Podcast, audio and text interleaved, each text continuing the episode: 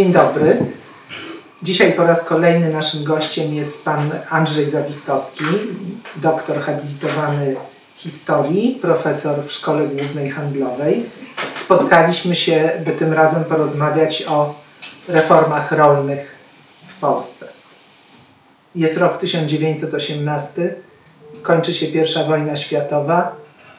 Odradzające państwo polskie staje przed bardzo wieloma problemami, również problemami społecznymi czy społeczno-gospodarczymi.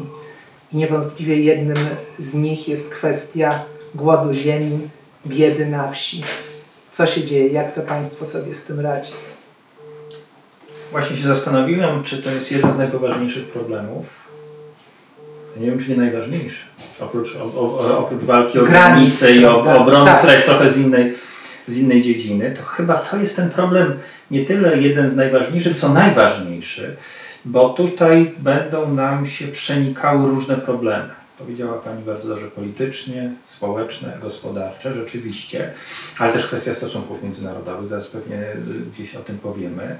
To po pierwsze. Po drugie, to też jest dosyć charakterystyczne i ważne, żeby zauważyć, że to nie jest problem tylko i wyłącznie, który dotyka Polskę. Ten sam problem ma Czechosłowacja, która się właśnie rodzi.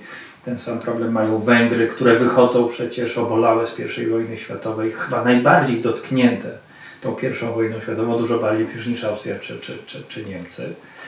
E, to jest również kwestia, która dotknie kraje, które dopiero się narodzą, czyli Litwa, Łotwa, Estonia i tak dalej, i tak dalej. To jest tych kwestii związanych z głodem ziemi, z problemami ze strukturą własności, bo tu jest ten problem też, bardzo, bardzo dużo. Mm, a dlaczego? No, prawdę mówiąc, mamy rok 1918, raptem 100 lat temu, mm, wiek XX, a Europa Środkowa i Europa Wschodnia ciągle zmaga się z resztkami feudalizmu. Z resztkami feudalizmu, który niby przestał istnieć w XIX wieku formalnie, bo już uwłaszczenie chłopów, y, likwidacja renty feudalnej, czyli tego, co najczęściej nazywamy pańszczyzną, chociaż to tylko jedna z form. Mm, to wszystko gdzieś tam y, ciąży. A dlaczego ciąży? No bo jak sobie przypomnimy, jak wyglądała ziemia w takiej właśnie strukturze feudalnej, to ona znajdowała się w takich trzech elementach. Pierwszy element to była ziemia Pana. To tam chłopi odrabiali pańszczyznę. Drugi element to była ta ziemia, która miała podwójną własność, czyli zwierzchnią i użytkową. Zwierzchnią Pana, użytkową chłopa. chłopa. No i wreszcie ta część wspólna, czyli łąki pastwiska i tak dalej. Uwłaszczenie spowodowało, że ta podwójna własność ziemi znika, ta ziemia już jest tylko chłopa. Tak? Ale pan zwierzchni, właściciel, ma dalej olbrzymie areały, natomiast chłopi zostają w tych niewielkich bardzo areałach, e, a te areały się będą ciągle zmniejszać. Dlaczego? Kolejne pokolenia. Synowie, córki dziedziczą, są spłacani, nie są spłacani, część tej ziemi po prostu się dzieli. I z tych niewielkich płachetków czasami są jeszcze mniejsze tworzone. Co więcej, przypomnijmy sobie jeszcze jedną ważną rzecz, że przecież ta ziemia e, pamięta, ja zawsze mówię, że pamięta w cudzysłowie, trójpolówkę. To znaczy, że ona jest jeszcze bardziej rozdrobniona na te kawałki, bo przecież jak była trójpolówka, no to nie było tak, że każdy miał te trzy fragmenty, tylko cała wspólnota wiejska miała zim, o, o, jarę, miała zimę i miała ten ugór. W związku z czym, jeżeli ktoś miał pole, to on miał je w trzech kawałkach. Dzisiaj po tych podziałach to jest jeszcze bardziej rozdrobnione. To jest problem. No ale jest jeszcze jedna ważna rzecz, która oprócz tego głodu ziemi, o której tu sobie powiedzieliśmy, ma niesamowite znaczenie, mianowicie w XIX wieku, w końcu XVIII, ale przede wszystkim w naszej części Europy to jest wiek XIX, rodzi się przemysł. Rodzi się przemysł, powstają nowoczesne miasta, a tak jak w Polsce rodzącej się 65% ludności mieszka na wsi. Ten przemysł musi mieć gdzieś rynek zbytu. No to przede wszystkim procenty pokazują, musi być to wieś. Z drugiej strony ten, ci, którzy mieszkają w mieście muszą mieć żywność, więc to musi w jakiś sposób ze sobą współdziałać. Przemysł nie będzie miał rynku zbytu, jeżeli mieszkańców wsi nie będzie stać na to, żeby kupić te dobra przemysłowe. Kupić to, co zostanie wyprodukowane w, w mieście, prawda? No ale Dlaczego ich nie będzie stać? No dlatego, że tej ziemi mają tak mało, że tak naprawdę produkują dla siebie, żeby się wyżywić i żeby sprzedać tyle, żeby te najpotrzebniejsze opłaty, podatki zapłacić. Na to, co wyprodukuje przemysł, po prostu im nie starczy. Oczywiście możemy powiedzieć, no dobra, kupcie sobie tej ziemi, zróbcie sobie duże gospodarstwo. No ale jak nie mamy... Za co, to nie kupimy. Nie kupimy. Koło się zamyka. I ten pomysł, żeby coś zrobić z tym, wydaje się momentem beznadziejnym, to znaczy tu nie ma pieniędzy i nie jesteśmy rynkiem zbytu, to co zrobić, żeby taka, takie gospodarstwo rolne było gospodarstwem towarowym, to znaczy nie tylko żywiło tych, którzy tam pracują, ale rzeczywiście dawało im konkretne możliwości zarobienia konkretnych pieniędzy. No i to jest pomysł, który nazywa się reforma rolna, to znaczy zaordynowany przez państwo, pod kontrolą państwa, e, dążenie do zmiany struktury własnościowej, likwidacji dużych gospodarstw rolnych na rzecz. Bardzo dużych oczywiście, tych największych, o tak powiedzmy, na rzecz e, tych najmniejszych gospodarstw rolnych. No ale tu jeszcze dochodzi nam ten moment, o którym Pani dobrze wspomniała, że mamy rok 18, to znaczy skończyła nam się wojna i w całej Europie wyrysowano zupełnie nowe granice. I na problem ekonomiczny, na problem społeczny, któryśmy sobie tutaj jakoś zarysowali, będzie nam wchodził jeszcze jeden ważny problem. Problem polityczny. To znaczy bardzo często wielkimi właścicielami ziemskimi są osoby o innej narodowości albo innym obywatelstwie, co mogło, ale nie musiało iść w parze, niż państwo, w którym nagle te majątki się znalazły. Więc tu będzie też decyzja polityczna, będzie decyzja ekonomiczna, będzie decyzja społeczna, bo pewnie jeszcze o tym za chwilę powiemy, ale są siły polityczne, które zaczynają grać tym problemem, mówiąc, jeżeli my przejmiemy władzę, to wszystko odbierzemy i rozdamy, albo zrobimy wszystko państwowe, upaństwowimy i każdy dostanie tyle, ile będzie miał tu potrzeby. I takie, takie zachęty do tego, żeby zburzyć dotychczasowy porządek świata, zaczynają być coraz głośniejsze. No i jeszcze mamy rewolucję rosyjską. No to trochę, to trochę nie chcę, znaczy już, już Pan tego dotknął. Tak, ale tu w kontekście tak. polskim y, trzeba to nazwać y, precyzyjnie, tak? No bo ten, ten, ten moment, o którym zaraz będziemy mówić i i, i ta reforma, czy, y, czy ta pierwsza mm, uchwała o zasadach reformy rolnej, potem, y, potem reforma, która nie weszła w życie, to wydaje się, że y, no, to zagrożenie ze wschodu, zagrożenie dla bytu politycznego, tak, dla granic tworzącego się państwa, no, odegrało tu dużą rolę. To przypomnijmy w takim razie, bo tak chciałem delikatnie ten problem na razie tylko dotknąć, ale jak już wchodzimy w szczegóły, to dotknijmy i bardzo mocno. To znaczy, przypomnę, że bolszewicy, jeden z pierwszych dekretów, który wydali po przeprowadzeniu przewrotu, my to oczywiście znamy pod nazwą Wielkiej Socjalistycznej Rewolucji Październikowej, tylko tam żadna z elementów tej nazwy nie była, nie była prawdziwa. prawdziwa. E, to był przewrót bolszewicki i w tym przewrocie bolszewickim po, po nim e, oprócz dekretu o pokoju był dekret o ziemi. Ziemia w Związku Sowieckim, a wcześniej w Rosji bolszewickiej była państwowa.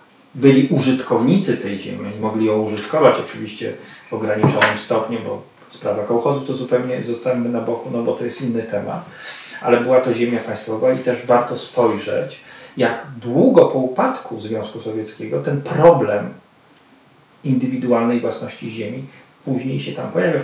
I jeszcze jedna rzecz już tak, żeby pokazać ten problem rosyjski, proszę pamiętać, że Mm, problem indywidualnej własności ziemi przez chłopów w Rosji nie jest zakorzeniony, no bo to jest reforma uwłaszczeniowa połowy wieku XIX, drugiej połowy wieku XIX, ale do 1905 roku ci chłopi byli, musieli funkcjonować w ramach przymusowych wspólnot wiejskich. Tak mirów. Czyli udaje się te miry przymusowe odrzucić około 905-906 roku, a już w XVII mamy rewolucję jest naprawdę bardzo krótki okres. Ale rzeczywiście bolszewicy, komuniści, ale też część lewicy, i to wcale nie skrajnej, głosi hasło upaństwowienia albo całej ziemi, albo znacznej jej części i przekazanie jej w użytkowanie, nie we własność, a w użytkowanie tym, którzy tej ziemi mają za mało albo jej w ogóle nie mają, a żyją na wsi. No i jak wobec tego znajduje się to rodzące się państwo polskie? Co się dzieje? Jeżeli byśmy na to spojrzeli, to znowu spójrzmy trochę szerzej. Tak? No bo z tym problemem się musi zmierzyć część Europy Środkowej i Wschodniej. Na tym tle będzie to łatwiej, łatwiej pokazać, dlatego że na przykład w Czechosłowacji ta reforma rolna jest dokonana, jest odebrana wielka własność, rozdana. Bardzo niedużo dostają odszkodowania dawnych właścicieli, to jest 10 do 12% wartości. Bardzo niewiele. Ale dlaczego? Dlatego, że w Czechach większość właścicieli ziemskich to są Niemcy. Niemcy. Na Słowacji Węgrzy. W Rumunii jest to samo. Rumunia, która przejmuje znaczną część terytorium węgierskiego, znowu ma dosyć proste rozwiązanie, tak się wydaje. To, to, to, to są obcy ludzie. Obcym są, nie dajemy. Obcym nie dajemy. Podobnie było e, na, na Łotwie i w Estonii. Tak? Na Łotwie i w Estonii w ogóle nie było odszkodowań. No ale jak podliczymy, to tylko wśród wszystkich, którzy tracą wielką własność ziemską na rzecz reformy rolnej, Łotysze to, są tylko, to jest tylko 2%. To jest tylko 2%, a reszta to są inne narodowości. Litwini zrobili bardzo sprytnie, bo Litwini y, ogłosili, że w reformie rolnej będą przejmowali tą ziemię, której właściciele przebywają za granicą. A jednocześnie Polaków nie chcieli wpuszczać, bo wiadomo, że stosunki polsko-litewskie aż do 1938 roku nie istniały praktycznie. Przecież nie mieliśmy ze sobą formalnie stosunków dyplomatycznych. Nie wpuszczali tych polskich właścicieli, którzy z kolei byli częścią znaczną właścicieli tych wielkich gospodarstw, gospodarstw rolnych. Więc tamta sytuacja właśnie miała taki charakter też tworzenia się, tworzenia się tych nowych państw, no bo oczywiście ziemię odbierano obcym, a nadawano swoim. swoim tak? I swoi inaczej patrzyli. No, przyszło moje państwo, którego jestem obywatelem, jestem tej narodowości, to państwo mnie doceniło, dało mi ziemię, prawda? Oczywiście już nie będę mówił tutaj na zasadach, bo to za każdym razem były różne zasady, co do odpłatności, zasad przyznawania i tak dalej. No ale przekaz był mniej więcej taki.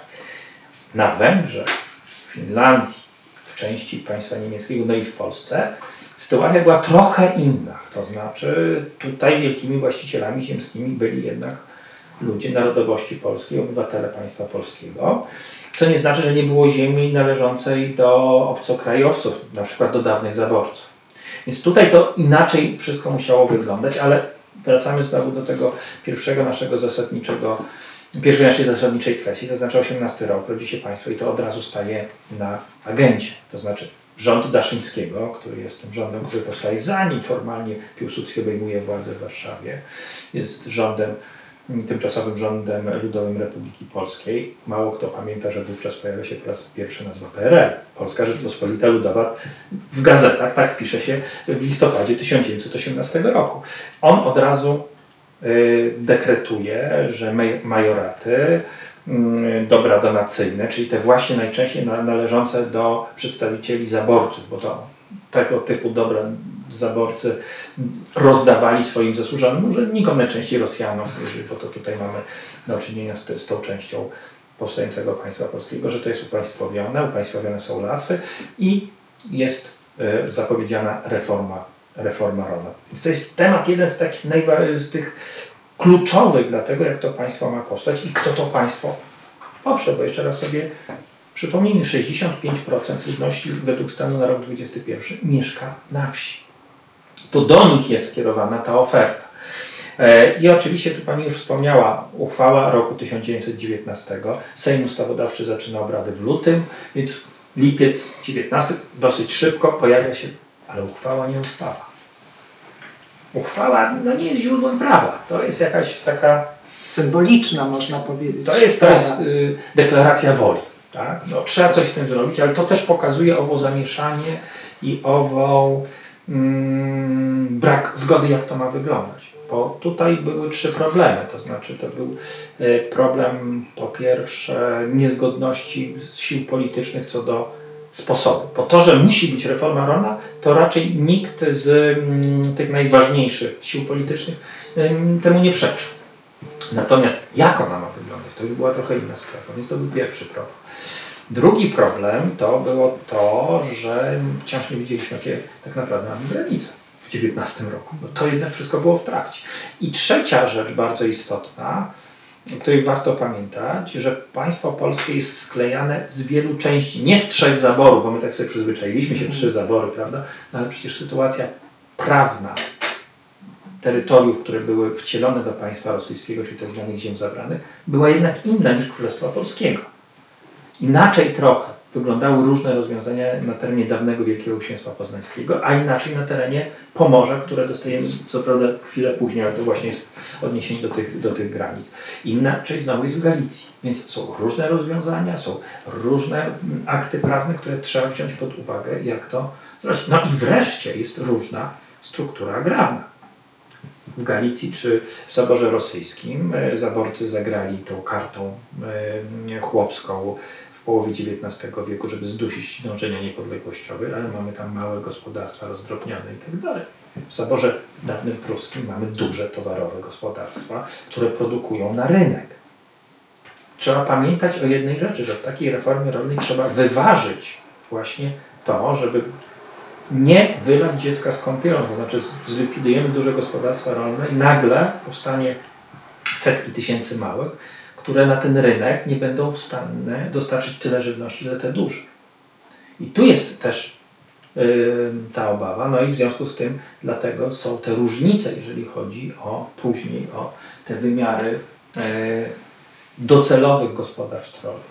No i właśnie przychodzi ten lipiec 19 roku, ta uchwała o kierunkach reformy rolnej. Ona jest z jednej strony dosyć precyzyjna co do tego, jak to ma wyglądać, ale nie jest precyzyjna co do daty. Tak? Więc y, tam jest takie przekonanie, że gospodarstwem takim modelowym to powinno być gospodarstwo mniej więcej 25 hektarów.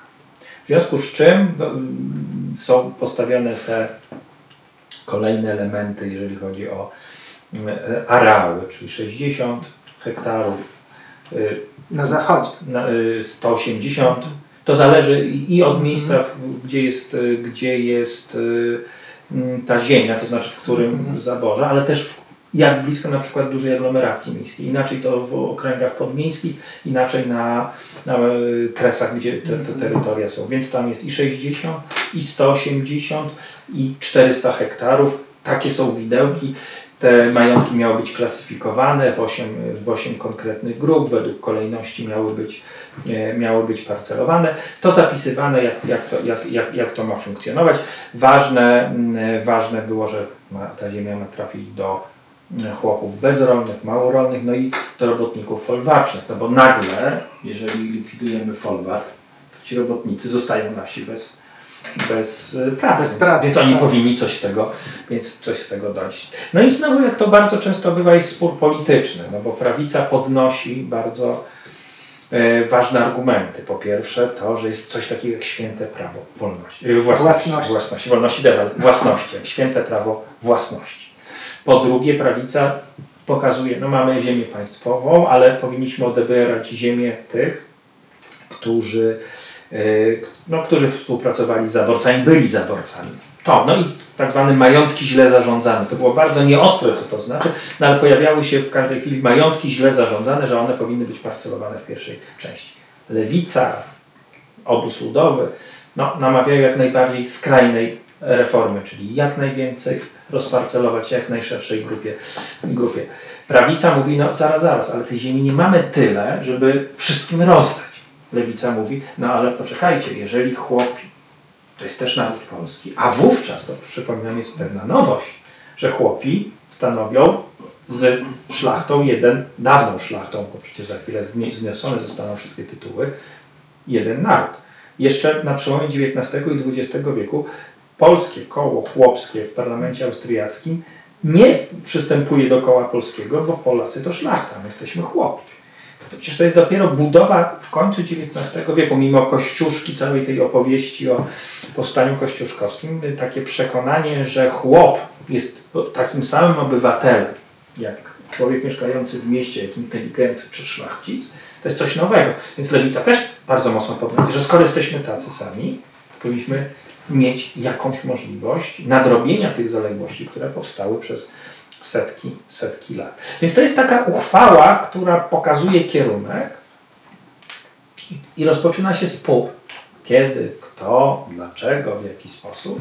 Jak to zawsze przy takich problemach bywa, zresztą widzimy do dzisiaj, prawda? Jeżeli mamy problem, to stara się każdy odołożyć. No może, może ktoś inny się tym zajmie, no na tym można stracić niż zyskać. Niech to poczeka, niech to poczeka. I zawsze jest tak, że w takich momentach przełomowych wróg wykorzystuje to, co żeśmy zaniedbali przeciwko nam.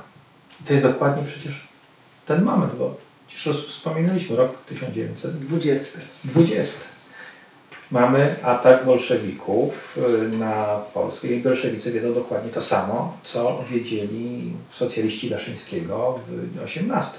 Wieś zadecyduje o tym, czy przetrwa państwo polskie. No przecież chociażby to, że kto zostaje premierem. Premierem zostaje Wincenty Witos. Osoba Nie symbol. bez powodu. Tak, osoba symbol dla ruchu ludowego, ale zostaje chłop. Zostaje nie człowiek wywodzący się ze wsi. Tylko ta legenda, że on jest wzięty od pługa. Tak? Y, y, po prostu pracuje na polu przyjeżdżają i go zapraszają, bo przecież trzeba ratować ojczyznę. I ten człowiek, który ma oczywiście ze sobą olbrzymie doświadczenie polityczne, prawda? Jeszcze sprzed roku 18, ale jest symbolem po pierwsze stworzenia silnego ruchu ludowego w Galicji, a po drugie jest symbolem całego ruchu ludowego. Staje na czele rząd, chłop po prostu, wprost w chwili kości ze wsi człowiek zostaje premierem. No i wiadomo o tym, że, e, że to wieś zadecyduje o tym, kto wygra to, ponieważ do dzisiaj chłopi wieś obchodzi to jako święto czynu chłopskiego, ten 15 sierpnia i to, co się dzieje wokół wokół roku 20. No i oczywiście bolszewicy idą w tym samym kierunku, to znaczy opowiadają, że jak przejmą władzę, to ziemia zostanie upaństwowiona, zostanie rozdana tym, którzy nie mają. To jest dosyć mgliście opisane, no ale generalnie dają takie, takie, takie, takie, takie poczucie, że ta ziemia do nich, co, do tych, którzy Jej nie, nie mają, trafi. trafi tak? Tylko pomóżcie nam wygrać tę wojnę, prawda? No i nasz Sejm Ustawodawczy budzi się z letargu. Po roku przecież. Tak. Po roku się budzi i ta uchwała jest przekuwana na, na ustawę. Ustawę o reformie rolnej. Mm, tam jest takich kilka elementów, oprócz tego, co zapowiadano. Tam się niewiele zmieniają te areały. Jest te 60, 180, a tam się pojawia 300.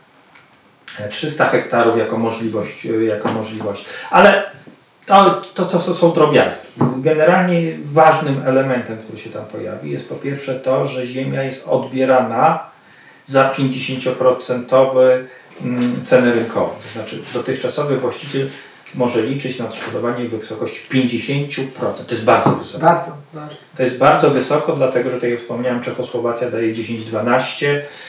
Niektórzy nic nie dają, czasami jest to 2%, 3%, tu jest 50%, to jest bardzo dużo. Z czego to damy? Z czego to państwo? To raz. Y, no, jest oczywiście też cały system, jak chłop musi za tą ziemię zapłacić, bo to nie jest tak, że dostanie. On musi ją w określony sposób spłacić, rozłożoną na raty, chociaż też są wyjątki. Od reguły to dosyć skomplikowane, ale tam jest ważny jeden element, że do ziemi nie będą mieć praw dezerterzy, nie będą mieć praw ci, którzy wezmą udział w dzikich podziałach ziemi i ci, którzy zostaną skazani za zdradę. Czyli jednym słowem, człowieku decyduj się, czy chcesz skorzystać z dobroci państwa polskiego, które obiecuje ci, że dostaniesz tą ziemię, czy chcesz wziąć udział w bandyckim podziale, który ci proponują bolszewicy. To, to, jest, to jest wymowa tej ustawy z, z 15 lipca 1920 20 roku. I rzeczywiście ona ma ten cel. Jej uzupełnieniem będzie bardzo ważny element, który pojawi się w grudniu roku 20, czyli już po tych najważniejszych zwycięskach Polski, czyli bitwa powarszawska i Marta Wieprza i bitwa niemiecka. Mm, to znaczy ustawa o osadnictwie wojskowym na Kresach. No bo tutaj prawica bardzo mocno wskazywała, że reforma rolna, która polega na rozdaniu ziemi, na Kresach wzmocni żywioł niepolski. Wzmocni miejscowych Ukraińców, Białorusinów, prawda? No bo wielcy właściciele ziemscy, niemal wszyscy, byli Polakami. Byli Polakami albo spolonizowaną miejscową ludnością. Wieś, im dalej na wschód to, to było, było widać. Polacy to miasta, inteligencja, urzędnicy w miastach. Wieś jest białoruska, tutejsza, jak niektórzy mówili, czy ukraińska. Czyli odebranie wielkim właścicielom Polakom ziemi powoduje, że otrzymują ją chłop. To nie tylko chodzi o wielkich właścicieli, ale to jest również ziemia państwowa, ziemia właśnie z tych dóbr porosyjskich, tak zwanych, mówiąc to ogólnie na wschodzie. W związku z czym pojawia się idea, żeby część z tej ziemi na wschodzie przekazać w ręce mm, osadników wojskowych, czyli tych, którzy właśnie kończą służbę wojskową. To nie jest tak, że oni kończą służbę po roku 20. Oni często kończą tą służbę po roku 14. Ci, którzy poszli do pierwszej wojny, później byli w wojsku, jedna wojna, druga wojna z Ukraińcami, prawda? Wreszcie rok 20. Wydaje się, że to już jest koniec. Będą wychodzić z wojska, coś trzeba im zaproponować. To nie są ludzie, których wchłonie przemysł, którego nie ma. Więc to, będzie, to będą ludzie, który, którzy wrócą albo do swoich gospodarstw rolnych, zwiększając przeludnienie, tak? te gospodarstwa wcale nie będą bardziej rentowne. Albo to będą ludzie, którym coś da. No i oni dostają około 10 hektarów. Zony to są różne, różne, różne uwarunkowania, ale dostają na ziemiach wschodnich mm, swoje działki. Mm, z jednej strony jest to decyzja ekonomiczna, rzeczywiście, bo to jest 10 hektarów. To już jest, takie, to już jest taki areał, który, który, który nie tylko da wyżywienie, ale też już ekonomicznie ma swoje uzasadnienie. A po drugie, no, wzmacniają w sposób oczywisty żywioł polski w tych miejscach. Tak? To, są, to są miejsca, gdzie żywioł polski będzie miał swoje zakorzenienie dużo, dużo silniejsze niż dotychczas. To zresztą historia oczywiście potoczy się tak, że to 80%, jeżeli dobrze dzisiaj pamiętam, ten odsetek tych rodzin zostanie wywiezionych na Syberię w roku 40 41. Część z nich zginie e, podczas rzezi wołyńsko-galicyjskiej w późniejszym okresie, więc oni zapłacą później olbrzymią, olbrzymią cenę. No i oczywiście zmiana granic spowoduje, że to osadnictwo tak naprawdę no, śladu po nim nie będzie już 25 lat. 25 lat później. No ale ta ustawa zostaje uchwalona, zostaje przyjęta. Wydaje się, że sprawa jest załatwiona. No ale szybko okazuje się, że nie jest, tak? No, szybko okazuje się, panowie profesoru, jest kilka miesięcy. Mamy konstytucję marcową. Konstytucja marcowa wprost mówi o świętym prawie własności, a jeżeli trzeba je złamać, odebrać własność, to o 100% odszkodowaniu. A tutaj nie mamy 100% odszkodowania, mamy 50% odszkodowanie, więc ustawa jako akt niższego rzędu, jeżeli chodzi o konstytucję, nie ma racji bytu w takim wypadku. No i znowu wraca element polityczny. Niektórzy no, z żalem mówią, no, jak potrzebowaliście wsparcia dla ratowania państwa, to byliście dobrze, a co teraz? I to jest bardzo ważny element, on się pojawia w tych negocjacjach pomiędzy PSL Piast a e, Hieną, czyli Chrześcijańską Jednością Narodową i paktu w pakcie landskorońskim, na mocy którego znowu rząd Witosa zostaje powołany. To się nie udaje Witosowi w tym krótkim okresie, w którym sprawuje władz, władzę załatwić, ale mm, e, robi to jego następca, których zresztą też nie, doczeka, nie doczeka tego uchwalenia, czyli Władysław Grabski. My przede wszystkim Grabskiego pamiętamy z reformy walutowej, reformy skarbowej, ale tak naprawdę ja zawsze uważam, że on jest niedoceniany. Tak naprawdę od strony takiej administracyjnej yy, Grabski tworzy państwo polskie. Bo, on załatwia nie tylko te dwie sprawy, ale na przykład mało kto zauważy, uważa dzisiaj, że załatwia sprawę załatwia sprawę wyznaniową yy, i pojawia się autokefalia, to znaczy Polska, Polska prawosławna uwalnia się od zwierzchnictwa Moskwy. To było niesamowicie ważne. A dzięki czemu? Dzięki temu, że wcześniej zawarty został konkordat z Kościołem katolickim. Natomiast tu oczywiście też mamy pewną ważną element, to znaczy konkordat od razu zamyka sprawę olbrzymich majątków, majątków ziemskich, majątków martwej ręki. Mm, e, który, e, które są pod władaniem Kościoła. Kościół ma już to zabezpieczone. One miały być dużym elementem tej reformy rolnej, tutaj zostają zabezpieczone. Ale już nie wchodźmy w Grabskiego, bo tu jeszcze byśmy musieli dużo wymieniać rzeczy, które się robi. No, jego rząd przygotowuje reformę, która zostaje uchwalona przez Sejm już po upadku e, Grabskiego. Mm. Powiedzmy w którym roku? To jest grudzień 25. To Dlaczego jest... to tyle czasu trwało od, no. tego, od tego marca 21? Spory, spory, spory, a, w, a przy okazji jeszcze oczywiście kłopoty, bo były ważniejsze problemy, no był kryzys walutowy bardzo poważny, y, hiperinflacja, którą trzeba było zdusić. Mm, ale przyszedł czas. Przyszedł czas, mamy, mamy grudzień 25 roku. Czym reforma rolna 25 różni się od tej 20? Zasadniczo jedną rzeczą fundamentalną, to znaczy wpisane jest to, że co roku będą parcelowane majątki o łącznym, łącznej powierzchni 200 tysięcy hektarów.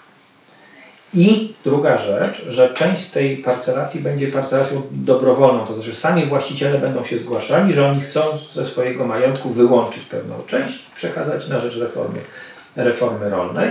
I znowu to było 60, 180 hektarów, te wszystkie elementy były zachowane, ale tu ważniejsze było właśnie ta dobrowolność. Mm, to znaczy wielki właściciel ziemski mógł się zgłosić. Jeżeli by się nie zgłosiło tylu, żeby wypełnić ten, tą normę, no to wówczas państwo ogłaszało listę imienną majątków, gdzie, które są przeznaczone do parcelacji. Były dwa lata, żeby tą parcelację prywatną zrobić. Państwo ograniczało się wtedy do wsparcia tych, którzy chcą tą ziemię kupić. Bo oczywiście znowu to, to można zaoferować, bo jedna ważna rzecz, o której nie powiedziałem, 100% ceny rynkowej. Taka jest odszkodowanie w tej, w tej parcelacji.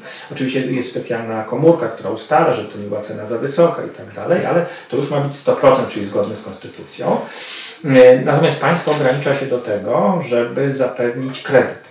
Żeby osoba, która. Korzystny. Tak, żeby odpowiedni kredyt rozłożony na raty, żeby osoba, która która zakupuje tą ziemię, miała takie wsparcie. To samo dotyczyło ziemi na przykład państwowej też w ten sposób, w ten sposób e, mm, poddanej reformie rolnej, że to było rozłożone, no, na kilka procent płaciło się od razu później to było rozłożone na, na, na odpowiednie e, raty. I rzeczywiście ten proces od nas, od, przez kolejne lata toczył się i z reguły nie było kłopotów z tymi, którzy chcą się tej ziemi pozbyć, gorzej było z tymi, którzy chcą ją nabyć, no bo jednak to wymagało pewnych, pewnego wysiłku finansowego, nawet przy rozłożeniu tego na raty. Natomiast ta reforma 25 roku miała jeszcze kilka elementów, na które się z reguły nie, nie patrzy, one były ważne. Jak na przykład komasacja. Jak na przykład komasacja, czyli odwołujemy się do tego, o czym sobie powiedzieliśmy. To znaczy, że w wielu miejscach na, na zasadzie tej reformy rolnej dokonywano komasacji tych rozdrobnionych fragmentów, żeby to stanowiło jedno gospodarstwo.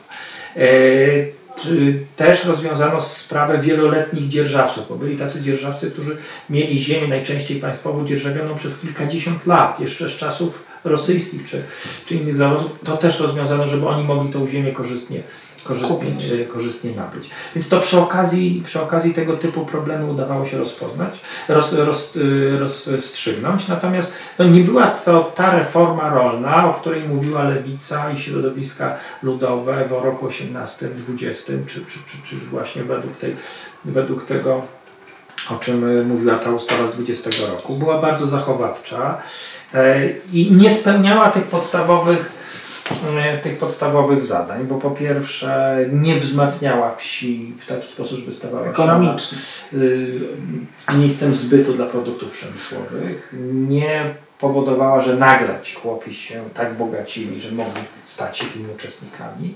Dalej bardzo często wieś była przeludniona, to znaczy było tam za dużo ludzi niż mogło, niż powinno uprawiać dany fragment ziemi. I dalej, e, dalej ta kwestia była kwestią związaną z mm, taką, e, takim problemem politycznym, to znaczy skrajna lewica wciąż wykorzystywała i grała tym argumentem właśnie e, konieczności przeprowadzenia reformy rolnej. I tak zastał nas rok 39. Właśnie, ale wydaje się, że w programach stronnictw politycznych y, podziemnych czy na emigracji i ta kwestia reformy rolnej przyszłej, tego przyszłego państwa, które powstanie po II wojnie, no też odgrywała y, istotną rolę, tak? Wszyscy Nawet to, że zas jedną zasadniczą. Wszyscy to widzieli i y, jeśli dobrze pamiętam, y, no, wiele tych stronnictw, a nie tylko skrajnie lewicowe, uważały, że tę reformę trzeba y, no, przeprowadzić radykalniej, domknąć, tak, że ona, że ona musi y, się bardziej stać niż się stała do tego 1939 roku. Widziano to znowu jako e, po raz kolejny jako kluczowy mm, problem ponownie jako e, i jako wielkie zaniedbanie II Rzeczpospolitej. Tak. To nawet nie, tyle, nie tylko stronnictw politycznych, bo sam rząd Rzeczpospolitej w Londynie wydał taki dokument, który zapowiadał przeprowadzenie reformy rolnej po wojnie. E, co więcej, e, generał Gór Komorowski w lipcu 1944 roku, w tym gorącym momencie, gdzie ciągle starano sobie odpowiedzieć na pytanie, wybucha powstanie w Warszawie, czy nie wybucha powstanie w Warszawie. On pisał wówczas do Londynu, że konieczne jest zrealizowanie natychmiast kilku warunków. To jest oczywiście w kontekście powstania PKWN. I między innymi wśród tych warunków wpisuje ogłoszenie reformy rolnej. I wreszcie rzecz, o którą mało kto zwraca uwagę, a jest niesamowicie ciekawa i ważna. W czasie powstania warszawskiego, w walczącej Warszawie, wydano m.in. dzienniki ustaw. I w drugim dzienniku ustaw, wydanym podczas okupacji, w czasie powstania warszawskiego, e, jest dekret Krajowej Rady Ministrów o tym, że ziemia będąca w posiadaniu prywatnym jest zabezpieczona na rzecz przyszłej reformy rolnej. To znaczy nie tylko komuniści, którzy dokładnie robią to w tym samym czasie, ale i y, prawowita władza Rzeczpospolitej Polskiej zapowiada i nawet znowu pewne kroki robi. Brakuje tego uwieńczenia, tego konkretu. Znowu tak trochę jak w tym XIX i XX, tak? Ale tu to nie jest kontrowersja czy. Jest pytanie ciągle jak, a dopiero mm, to ma przynieść przyszłość. No bo oczywiście znowu to było dzielenie skóry na niedźwiedziu. Nie wiemy, czym będziemy się posługiwać. Natomiast komuniści szybko zrobili krok naprzód. No właśnie, zrobili krok, krok naprzód, który na czym polegał? Po pierwsze manifest PKWN. Owa, mm, ów dokument, który później był takim symbolem powstania Polski Ludowej ogłoszony, oczywiście wydrukowany, przygotowany w Moskwie, ale formalnie ogłoszony w Chełmie, Chełmie jako, jako, jako pierwszym wyzwolonym mieście, co, co jest absolutną bzdurą, no bo przecież Chełm leży wówczas kilka, trochę ponad 100 km od geometrycznego środka Polski przedwojennej. To, ja, to, to mniej więcej tak jakby dzisiaj powiedzieć, że Częstochowa czy Bydgoszcz leżą e, przy samej granicy. No, to jest absurd. Natomiast to tak to propaganda sprzedawała, więc najpierw w chemii ogłoszono po, po powstanie PK, PKWN i następnego dnia 22 lipca ów manifest, który generalnie był takim dokumentem, pod którym dużo z partii politycznych, również tych mogłoby się podpisać. Mogło się podpisać. Z jedną z wielu rzeczy, znaczy z kilku rzeczy, które były radykalne, była ta reforma rolna. Może nawet chyba najbardziej radykalna, bo to była radykalna reforma rolna zapowiedź radykalnej reformy rolnej, która później została umocowana dekretem we wrześniu 1944 roku, e, która po, po pierwsze e, e, zakładała bardzo niski pułap tych gospodarstw, które mają być rozparcelowane. To miało być 50 hektarów użytków, a na ziemiach dawnych, dawnej zachodniej Polski, czyli pomorskie, poznańskie, śląskie, to miało być 100 hektarów. To oczywiście tam jeszcze zależało, czy to całkowita, całkowity obszar, czy tylko e, uprawny, ale to było te 50 i 100 hektarów. Radykalizm polegał na tym, że jeżeli ktoś miał 51 hektarów, to tracił wszystko. To nie było tak, że zabierano mu jeden hektar. Tak? On tracił wszystko. To był ten radykalizm. Mm, e, to, ten radykalizm polegał na tym, że dotychczasowy właściciel tracił nie tylko ziemię, ale tracił zabudowania, inwentarz. Wcześniej takich pomysłów nie było. E, musiał się wynieść przynajmniej z powiatu, który miał tą swoją ziemię. Dopuszczano, że będzie dostawał taką rentę ziemiańską, czyli tam na wysokości niższy, niskiego urzędnika wypłatę, albo będzie mógł się ubiegać o 5 hektarów ziemi z reformy rolnej w innym powiecie. To jest, I zacząć gospodarować. Tak, i zacząć gospodarować. Więc, e, więc to była radykalna reforma rolna, bo pozbawiała wielu ludzi wielu ludzi tak naprawdę zaplecza domowego. To oczywiście był aspekt polityczny, bo było wiadomo, że tych nowych władz, tych władz komunistycznych nie pobrał właściciele wywodzący się ze szlachty, z wielkich właścicieli ziemskich, ze średnich właścicieli ziemskich. Dwór zawsze będzie ostoją oporu przeciwko nowej władzy. To się ten dwór po prostu zlikwidował.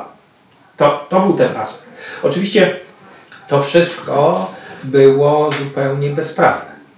Bo ani nie było to zgodne z konstytucją kwietniową, bo nie. W żaden sposób nie było to zgodne, łącznie z tym, że ten dekret wydawał Polski Komitet Wyzwolenia Narodowego. Co to jest? Organ pływający w Znaczy, takiej znaczy ktoś, ktoś, ktoś sobie stworzył Polski Komitet Wyzwolenia Narodowego i wydał dekret. No. Jest absurd jakiś. To nawet nie jest rząd. Chociaż oczywiście ma te swoje elementy, które, Agendy. Które się nazywają resortami i to wygląda. Tak? Więc to po pierwsze. Po drugie, komuniści odrzucili już w manifestie Konstytucję 1935 jako uchwaloną nieprawnie, odwołując się do Konstytucji Marcowej. No ale wiemy, że w Konstytucji Marcowej mamy 100% odszkodowania. To, to też jest niezgodne z tym prawem, który sami sobie przyjmują jako podstawę działania. E, Początkowo ta reforma rolna w tym wrześniu jest bardzo niemrawa. Chłopi z ostrożnością podchodzą do oferowania im, ziemi.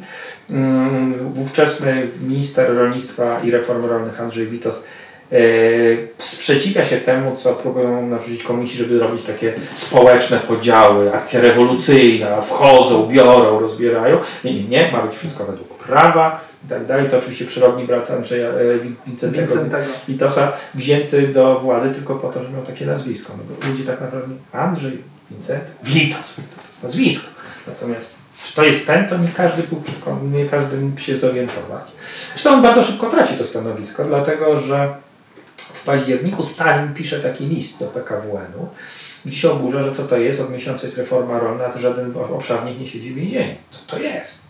I następuje tak zwany zwrot październikowy, przyspieszenie, powołanie specjalnych komisji parcelacyjnych. W momencie parcelacji właściciel ma trzy dni, żeby się wynieść od razu.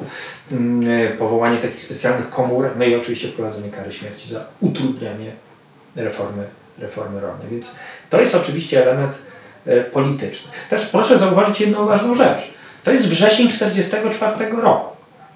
Nad czym panuje PKWN? PKWN panuje nad fragmentem pomiędzy Bugiem a Wisłą, takim niewielkim wycinkiem, no bo przecież mimo, że ziemie na wschód od Bugu formalnie należą do Polski aż do lutego 1946 roku, czyli do, do ratyfikacji przez obie strony układu granicznego, który i tak zostanie zawarty, zawarty właśnie przez ten PKWN.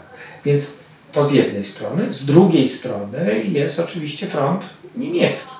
Więc to jest niewielki teren. Zamiast poczekać do tego, czym dysponujemy, rzuca się propagandowo bardzo ważną decyzję, oczywiście po to, by znowu kupić wieś. Dalej większość Polaków to są mieszkańcy wsi.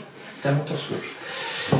Ta reforma jest w ten sposób realizowana, że właśnie 50-100 hektarów. E, Uzupełnieniem jej są mm, przepisy regulujące mm, własność majątkową na ziemiach tak zwanych odzyskanych w Wolnym Mieście Gdańsku. Już w tej reformie z 1944 roku odmawia się ziemi zdrajcom, odmawia się mm, ziemi Volksdeutschom, y, odmawia się obywatelom niemieckim, ale też obywatelom polskim narodowości niemieckiej jest odpowiedzialność zbiorowa zastosowana. Nikt się nie przejmuje tam, jak się ktoś za- za- zachowywał.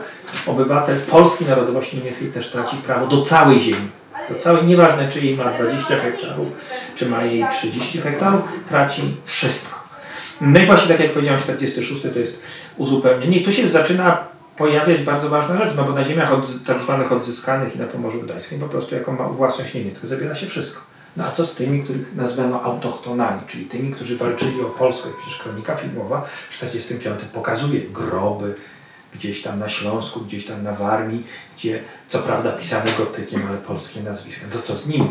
W 1947 roku jest próba naprawienia tego błędu. Autochtoni dostają prawo do 10 hektarów. Jeżeli im odebrano wcześniej ziemię, mogą się ubiegać o ziemię z reformy rolnej gdzie indziej. Stara się ten błąd naprawić. Natomiast ta reforma też ma pewne aspekty podobieństwa do roku 20. Osadnicy wojskowi. Tak jak na ziemiach wschodnich. Teraz na zachodni. Dokładnie tak. No, do dzisiaj mamy takie ślady. Na południowym zachodzie jest wieś Platerówka. Skąd? Oczywiście od platerek, które tam się osiedliły w okolicy. Zresztą ta nazwa miała, ta, ta miejscowość różne nazwy. Dzisiaj jest to Platerówka.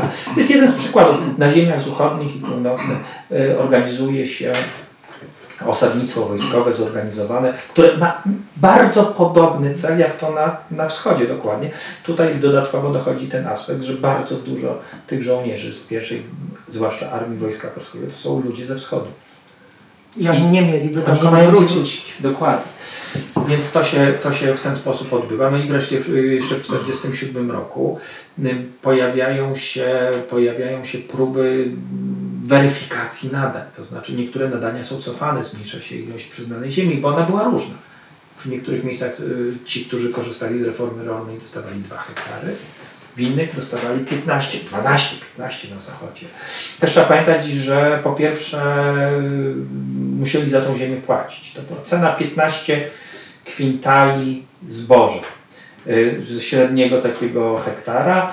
Y, Część y, trzeba było zapłacić od razu, a mm, ci, którzy uzupełniali swoją, swoją rolę, mieli na to 10. Ci, którzy byli bez roli, mieli na to 20 lat, żeby w ratach to wszystko I to nastąpiło rzeczywiście, tak, to spłacenie? tak, tak tego pilnować. Oczywiście tam były umorzenia, w różny sposób można było na to, na to próbować, bo to można było również spłacać w zbożu. To nie tylko było w pieniądzu, ale można było, e, można było to spłacać w naturze. Mm, Ale też trzeba powiedzieć, że zwłaszcza w 1944 czy 1945 roku zdarzały się sytuacje zwrotu. Były takie powiaty, że nawet 80% ziemi zwrócono. Dlaczego? Dlatego, że po pierwsze ona się czasami tą ziemię dawano zupełnie innym miejscu niż ci ludzie mieszkają. To było zupełnie nieopłacalne, dojeżdżanie. Po drugie, jak ktoś był bezrolny i dostawał nagle 3 hektary, Jak miał się nimi zająć? dom, Tak. zabudowania nie było i to było, i były takie przypadki zwracania ziemi z, e, z reformy rolnej, natomiast no, generalnie ją przeprowadzono. Ona miała różny charakter na tak zwanych ziemiach dawnych, czyli na tych ziemiach, które zostały w Polsce po 1945 roku. To nie zostało odcięte i przyłączone do Związku Sowieckiego. Inaczej to wyglądało na ziemiach od, tak zwanych odzyskanych, czyli zachodnich i północnych, gdzie te przydziały były po pierwsze na rzecz y, tych, którzy się przesiedlali ze, y, ze wschodu, których niesłusznie nazywano repatriantami. E, No i dla osadnictwa wojskowego osadnicy z reguły dostawali 10 hektarów. Tak samo jak w 20 roku część płatnie, część mogła dostać to w zamian za różne, za różne zasługi. I rzeczywiście ludzie wychodzący z wojska dostawali takie dokumenty, że przyznawana jest im ziemia, tylko się muszą zgłosić, żeby to jak gdyby zrealizować ten bon na ziemię. I tak, tak, to, tak ta reforma się odbyła. Ona nie przyniosła skutków ekonomicznych. To znaczy, jak popatrzymy później na historię zaopatrzenia w żywność Polski Ludowej, to, poka- to, to pokazuje w sposób ewidentny, że nie stworzono tych gospodarstw, które miały być gospodarstwami nie tylko ekonomicznie samodzielnymi, ale przede wszystkim dawać produkcję żywnościową na rynek. Dlaczego? No dlatego, że przypomnijmy jedną rzecz. Komuniści chcieli kupić społeczeństwo, ale następnym krokiem było już coś zupełnie innego. Była już kolektywizacja rolnictwa w latach 50. Czyli odebranie tej ziemi, stworzenie z niej polskich kołchozów, czyli spółdzielni, spółdzielni produkcyjnych. To się nie udało i tak naprawdę ten ekonomiczny aspekt y, reformy rolnej zakończył się jednak klęską. Teraz to widzimy, że po 1989 roku jest zauważalny proces powiększania gospodarstw rolnych. Jeżeli dobrze pamiętam dane, to one to przez ostatnie 20 lat one z, tak średnio wzrosły od 2-3 hektary mniej więcej. Chyba nawet więcej. Chyba nawet więcej, być może nie znam, nie znam Tak, tak. najnowszych danych, ale to pokazuje, że to jest ten kierunek, o którym miało chodzić. To znaczy, że tworzymy gospodarstwa, gdzie rolnik jest przedsiębiorcą, na których on nie tylko pracuje, żeby dać wyżywienie sobie i swojej rodzinie, ale przede wszystkim wyprowadzić, mówiąc językiem współczesnym, biznes. Tego, Sprzedać to, co wyprodukuje Tak. tym, którzy tego potrzebują. A A Raz tego potrzebuje, a po drugie jest też klientem. Ma te zasoby, które pozwalają mu być klientem tego, co wyprodukuje przemysł, jest być klientem e, e, tego, co oferują usługi i tak dalej, i tak dalej. To w tym kierunku dopiero teraz udaje się podążać, bo przecież to już pewnie opowieść na zupełnie inny czas, ale przecież e, komuniści nie tylko rozdawali ziemię, ale później blokowali możliwość indywidualnym chłopom aż do lat 70. powiększania swoich gospodarstw. Utrudniano przekazywanie następcom i tak dalej, i tak. Tylko właśnie po to, by tą ziemię przejąć. Mm, Więc ten cel ekonomiczny, który przecież w 18-19 roku był równie ważny jak cel społeczny i polityczny, ten cel ekonomiczny, by wieś wyciągnąć z biedy, mówiąc już tak zupełnie kolokwialnie, wieś wyciągnąć z biedy i spowodować, żeby ona była bogata, tak jak to było y, na terenach Na zachodzie. Tak. mm, żeby ona była bogata, żeby to byli przedsiębiorcy, a nie chłopi, którzy są przywiązani do ziemi nie, nie dlatego, że formalnie są do niej przywiązani, tylko że nigdzie więcej nie mogą znaleźć tego zatrudnienia z, z, i, i zarobku, żeby to zmienić. To się nie udało. Ani nie udało się w roku 25, bo cały proces był jednak za mało, za, za, za mało dopilnowany przez państwo i za powolny, a nie był też w 44, 46, no bo tutaj decyzje były decyzjami politycznymi, a nie ekonomicznymi przede wszystkim. Powiedzmy może jeszcze na koniec y, o tych ludziach y, wyrzuconych z domów, pozbawionych kompletnie ziemi, którzy mogli dostać tę, y, jak Pan powiedział, rentę, y, rentę ziemiańską na tak. poziomie y, płacy średniego urzędnika. Nawet albo, to chyba czwarty, tak, czwarta kategoria była. Albo ubiegać się o 5 hektarów gdzie indziej, no bo to jednak, jaka to była skala? To Ile, ilu to tysięcy ludzi dotknęło i co się z nimi trudno, stało? Trudno powiedzieć, dlatego że proszę pamiętać, że wszystko to się odbywa w takim momencie końca wojny. Nie wiemy, ilu tych ludzi przeżyło, nie wiemy, ilu tych ludzi wróciło, gdzie ich los rzucił, niektórych na wschód, niektórych na zachód. Więc trudno powiedzieć, ile takich osób, bo to były przecież całe rodziny, to, to, to nie dotyczyło poszczególnych osób.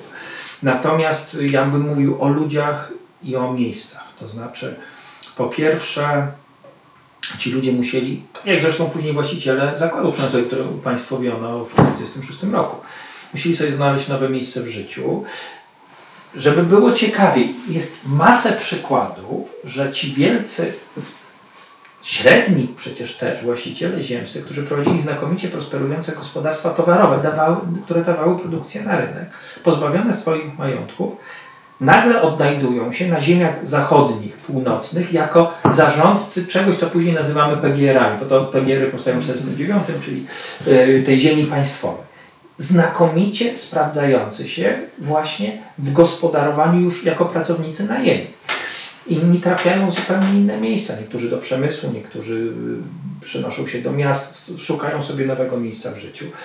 Więc to jest jedna rzecz, ale niesamowita strata, zwłaszcza po hekatombie II wojny światowej, gdzie tracimy olbrzymią e, ilość zabytków, tracimy tak naprawdę pamiątki kultury.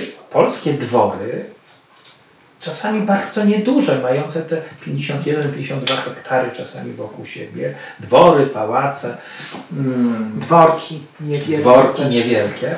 To była ostoja polskiej kultury, ale też to były zasoby zabytków, które były gromadzone czasami przez setki lat. I te, które miały szczęście, stały się muzeami, te, które miały szczęście, mniej szczęścia, ale stały się może szkołami, urzędami, no ale ile było takich, które zostały po prostu rozgrabione, rozkradzione, e, które zostały po prostu zniszczone. Widziałem naście przykładów, kiedy w takim dworze, bardzo ładnym, XIX-wiecznym, myślę, że już spokojnie mógł być wówczas zabytkiem, robiono nie tylko stajnie czy chlewnie, ale na przykład garaże dla traktorów i one tak funkcjonowały. To, co się udało uratować po 89, to jest myślę, że jakiś niewielki odsetek tego, co zniszczono. Bo to, to zostawało tak zwane resztówki. Tego nikomu nie dawano. To, to, tak jak mówię, gdzie było szczęście, tam była szkoła, tam y, była biblioteka, środek zdrowia, przebudowano. Sam budynek się zachował, natomiast bardzo wiele z tych miejsc po prostu zostało zdewastowanych, później zostało rozkradzionych elementy budowlane, no wszystko co można było ludzie zabierali, roznosili. To było naturalne po wojnie, tego brakowało, ale jednocześnie w ten sposób zniszczono olbrzymi zasób e, dziedzictwa narodowego. To jest nie do odtworzenia dzisiaj. To jest nie do odtworzenia dzisiaj, chociaż oczywiście niektórzy wspominają, jak po jakichś wiejskich chałupach co jakiś czas odnajdują się jakieś elementy, które były na wyposażeniu jakiegoś dworu, jakiegoś pałacu. To się udaje po jakichś latach odzyskać, bo i świadomość ludzka już jest dzisiaj dzisiaj zupełnie, zupełnie inna. Ja tylko przypomnę, co pokazał, ja zresztą go nazywam wieszcz PRL, to nie jest, to nie jest ujma, to jest wręcz docenienie. Mianowicie Stanisław Bareja, przypomnę piękną scenę, piękną scenę z, serialu, z serialu Zmiennicy, gdzie jeden z tych kierowców mieszka w takim zrujnowanym pałacu po Radziwiłłach, prawda, który jest rozkradany, szabrowany e, przez e, miejscowych ludzi. Nikogo to nie interesuje, mimo że to ma status zabytku. To, to, to, jest ten, to jest ten przykład, bo przecież odbierano wszystko. E, Zamek w Nidzicy, który wszyscy znamy, piękny nad, nad jeziorem Czorsztyńskim, prawda, no, wówczas zostaje dopiero odebrany rodzinie, która była rodziną węgierską. No, bo to, jest niewielki fragment Węgier, który trafił do Polski w 1920 roku pod. E, Tam zresztą przetrwały różnego rodzaju takie mm, pozostałości jeszcze po feudalizmie lat 30., bo też to się likwidowało w czasie reformy rolnej, ale też właśnie wówczas został dopiero tej rodzinie węgierskiej odebrany. Pewnie przykładów byśmy mogli, mogli, mogli mnożyć, ale to są straty niepowetowane i się już nie da odtworzyć. To, co zostało w niektórych miejscach, to resztki parków i ogrodów. Czasem teraz zdarzają się takie momenty i miejsca, gdzie trochę się to porządkuje i, i, i jakoś no, ta pamięć tego, że coś tam było, wraca. To na przełomie już lat 80. Tak, tak, w tak, latach to już- 80. była już taka, taka moda wśród tych, których było stać, żeby odkupować tego typu, tego typu dwory. No w ten sposób udało się zachować e, dwór Norwida przecież pod Wyszkowem, bo kupiła to, kupił to jeden ze znanych reżyserów dla siebie dla swojej rodziny i tak naprawdę dzisiaj oni mieszkają przecież.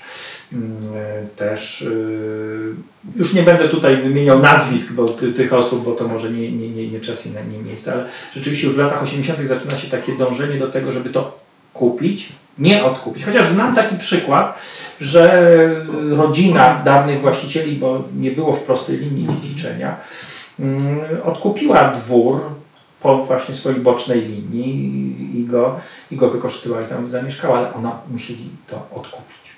Chyba zamknęliśmy kwestię reformy rolnej.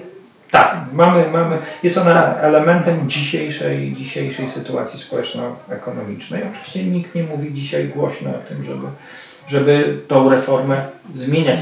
Jedyna, jedyna rzecz, w której rzeczywiście pojawia się dyskusja w której sądy występują, to zasadność odbierania mm, niektórych em, rzeczy w ramach reformy rolnej, której ta reforma rolna nie przewidywała. Rzeczywiście część dawnych właścicieli podważając te decyzje, niektóre elementy swojego majątku udało im się odzyskać. No ale to są, to są niewielkie przykłady. Dziękuję bardzo. Dziękuję bardzo.